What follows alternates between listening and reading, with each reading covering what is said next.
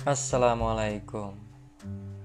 Nah, teman-teman yang sedang menjalankan ibadah puasa, gimana nih puasanya sejauh ini? Lancar-lancar aja kah? Terlebih di masa pandemik ini ya. Semoga kalian bisa menemukan kegiatan-kegiatan yang positif untuk mengisi uh, keseharian kalian di dalam rumah. Dan gue doain juga semoga puasanya bisa lancar-lancar aja sampai akhir nanti sampai Idul Fitri nanti. Amin amin ya rabbal alamin. Nah, podcast kontemplasi kali ini masih tentang habits dan kali ini gua mau bahas dua hal yang lebih spesifik lagi soal itu yaitu how the habits work and how to create the new habits in our life. Nah, sebelum gua bahas kedua hal itu, pasti kalian pernah dengar istilah bongkar kebiasaan lama. Nah, Istilah bongkar kebiasaan lama itu menggunakan diksi bongkar, yang mana itu menunjukkan atau menekankan bahwa sejatinya untuk mengubah kebiasaan kita itu bukanlah hal yang mudah untuk kita lakukan. Jadi kita butuh kemauan yang besar, pemicu yang kuat dan juga motivasi yang tinggi untuk bisa memulai mengubah kebiasaan kita. Nah, ngomong-ngomong soal habits kan kaitannya dekat banget nih ya sama kehidupan kita atau mungkin bahkan ada kaitannya sama masa depan kita nih. Karena menurut gua kebiasaan itu merupakan 40 sampai 45% dari apa yang kita lakukan sehari-hari. Nah, lu kebayang gak sih kalau misalnya kebiasaan-kebiasaan yang kita lakukan setiap hari itu bisa menentukan akan berada di mana kita di masa depan. Nah, pertanyaannya adalah gimana sih habits itu bisa terbentuk atau how the habits work? Nah, jadi secara neurologis di dalam otak kita itu ada bagian otak yang namanya ganglia basal. Nah, ganglia basal ini merupakan salah satu struktur tertua yang ada di dalam otak kita, yang letaknya tepat berada di tengah-tengah tengkorak kita di bagian paling terdalam. Nah, ketika informasi mengenai tindakan itu masuk ke dalam ganglia basal lu, lu jadi punya potensi untuk mengulangi tindakan itu secara automatically atau secara nggak sadar.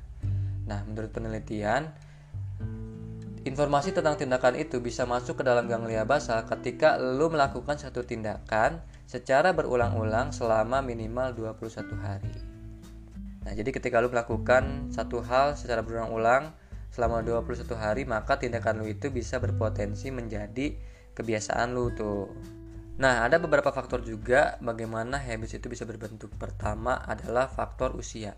Nah, jadi semakin muda kalian itu semakin mudah untuk membentuk kebiasaan. Nah, di dalam penelitian, usia 0 sampai 7 itu adalah masa emas untuk pembentukan kepribadian atau pembentukan kebiasaan. Jadi mungkin si ganglia basalnya ini masih fresh kali ya, masih mudah untuk menerima kebiasaan-kebiasaan baru ke dalam ganglia basal mereka itu di usia-usia 0 sampai 7 tahun itu.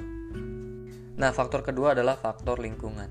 Jadi, semakin lo sering berada bersama orang-orang terdekat lo, maka semakin banyak kebiasaan-kebiasaan mereka yang lu copy paste ke dalam hidup lu. Jadi secara nggak sadar, coba lu perhatiin deh.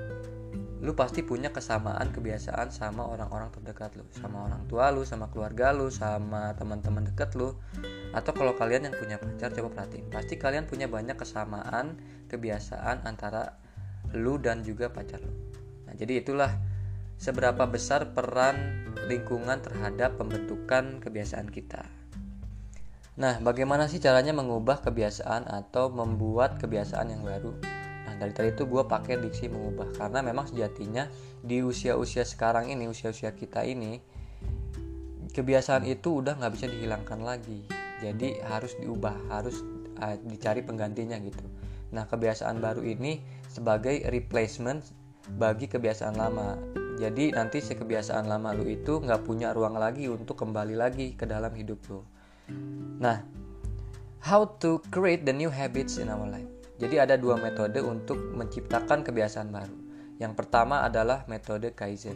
Mungkin teman-teman sebagian udah pada dengar tentang metode Kaizen ini. Nah, metode Kaizen ini digunakan sama orang-orang Jepang untuk membentuk kedisiplinan atau membentuk kebiasaan. Nah, orang-orang Jepang ini lu tahu kan pada disiplinnya itu disiplin banget. Nah, mereka ini pakai metode ini nih Nah, metode ini itu simple banget. Jadi, metode ini adalah metode yang memulai membentuk kebiasaan baru dengan melakukan sesuatu yang kecil, sesuatu yang sangat mudah untuk kita lakukan tapi mengulang-ulangnya setiap hari gitu sebagai contoh misalnya lu mau membentuk kebiasaan baru yaitu kebiasaan membaca buku nah lu ini memulai um, membaca buku itu setiap harinya hanya satu paragraf atau satu halaman. Nah, lama-lama lu ulang setiap hari setiap hari, lu akan merasa tertantang untuk membaca lebih dari satu halaman setiap harinya. Jadi itulah bagaimana metode Kaizen bisa membentuk kebiasaan kita, kebiasaan baru kita. Nah, yang kedua ini ada namanya quantum change. Nah, quantum change ini berbeda dengan metode Kaizen tadi Quantum change ini adalah transformasi yang mendadak, yang dramatis tapi efeknya bisa permanen ke dalam hidup kita. Nah, quantum change ini butuh pemicu yang kuat. Tapi sayangnya pemicu yang kuat itu berupa sesuatu atau kejadian yang tidak kita inginkan di dalam hidup kita. Sebagai contoh ketika lu punya masalah, ketika lu punya achievement tapi lu gagal achieve atau sesimpel ketika lu misalnya putus sama pacar lo gitu.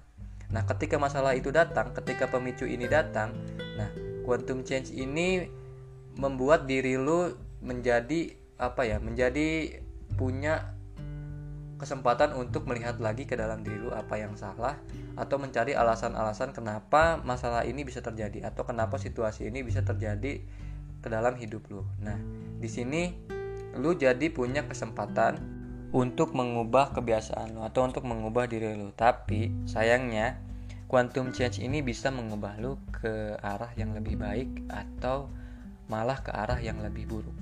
Jadi ketika masalah itu datang akan muncul namanya emosi negatif. Dan ketika emosi negatif itu muncul, lu punya dua pilihan. Lu bisa menghadapinya atau mencari pelarian. Nah, ketika lu memilih untuk menghadapi masalah itu atau mengalami menghadapi emosi negatif lu itu, Nah, ketika lu menghadapinya akan muncul rasa sakit sementara atau rasa sakit sesaat. Nah, ketika lu berhasil melewati fase ketika lu merasakan rasa sakit sesaat itu, lu akan menemukan uh, solusi atau kebahagiaan dari masalah lu yang tadi. Nah, sebaliknya ketika lu memilih mencari pelarian, maka lu akan menciptakan kebiasaan-kebiasaan yang buruk. Dan ketika lu menciptakan kebiasaan-kebiasaan yang buruk, lu akan menjadi uh, lu akan mendapatkan sebenarnya kesenangan yang sesaat gitu ya balikan dari yang tadi kesenangan sesaat nah ketika lu melewati fase kesenangan sesaat maka lu akan menjadi pribadi yang lebih buruk atau menjadi pribadi yang tidak lebih bahagia dari sebelumnya Nah, jadi dua metode itu gua konklusiin bahwa si metode Kaizen ini adalah metode perubahan dengan kesadaran diri sendiri. Tapi yang metode quantum change ini adalah metode perubahan yang memaksa atau mau nggak mau kalian harus berubah karena keadaan atau situasi yang kalian alami. Nah dari situ gue bisa ambil pendapat bahwa semua orang pasti berubah, entah dari kesadaran dirinya atau entah karena situasi atau kondisi yang menimpa diri mereka masing-masing. Jadi pilihan balik lagi kepada diri kita masing-masing. Kalian itu mau merubah diri kalian secara sadar atau mau menunggu keadaan atau situasi yang pahit menimpa diri kalian dulu. Nah, itulah pembahasan gue tentang habits.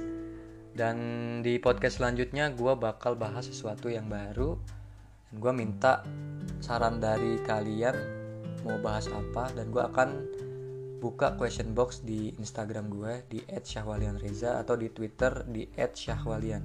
Nah, kalian bisa kasih saran atau masukan pembahasan-pembahasan selanjutnya yang akan gue bahas.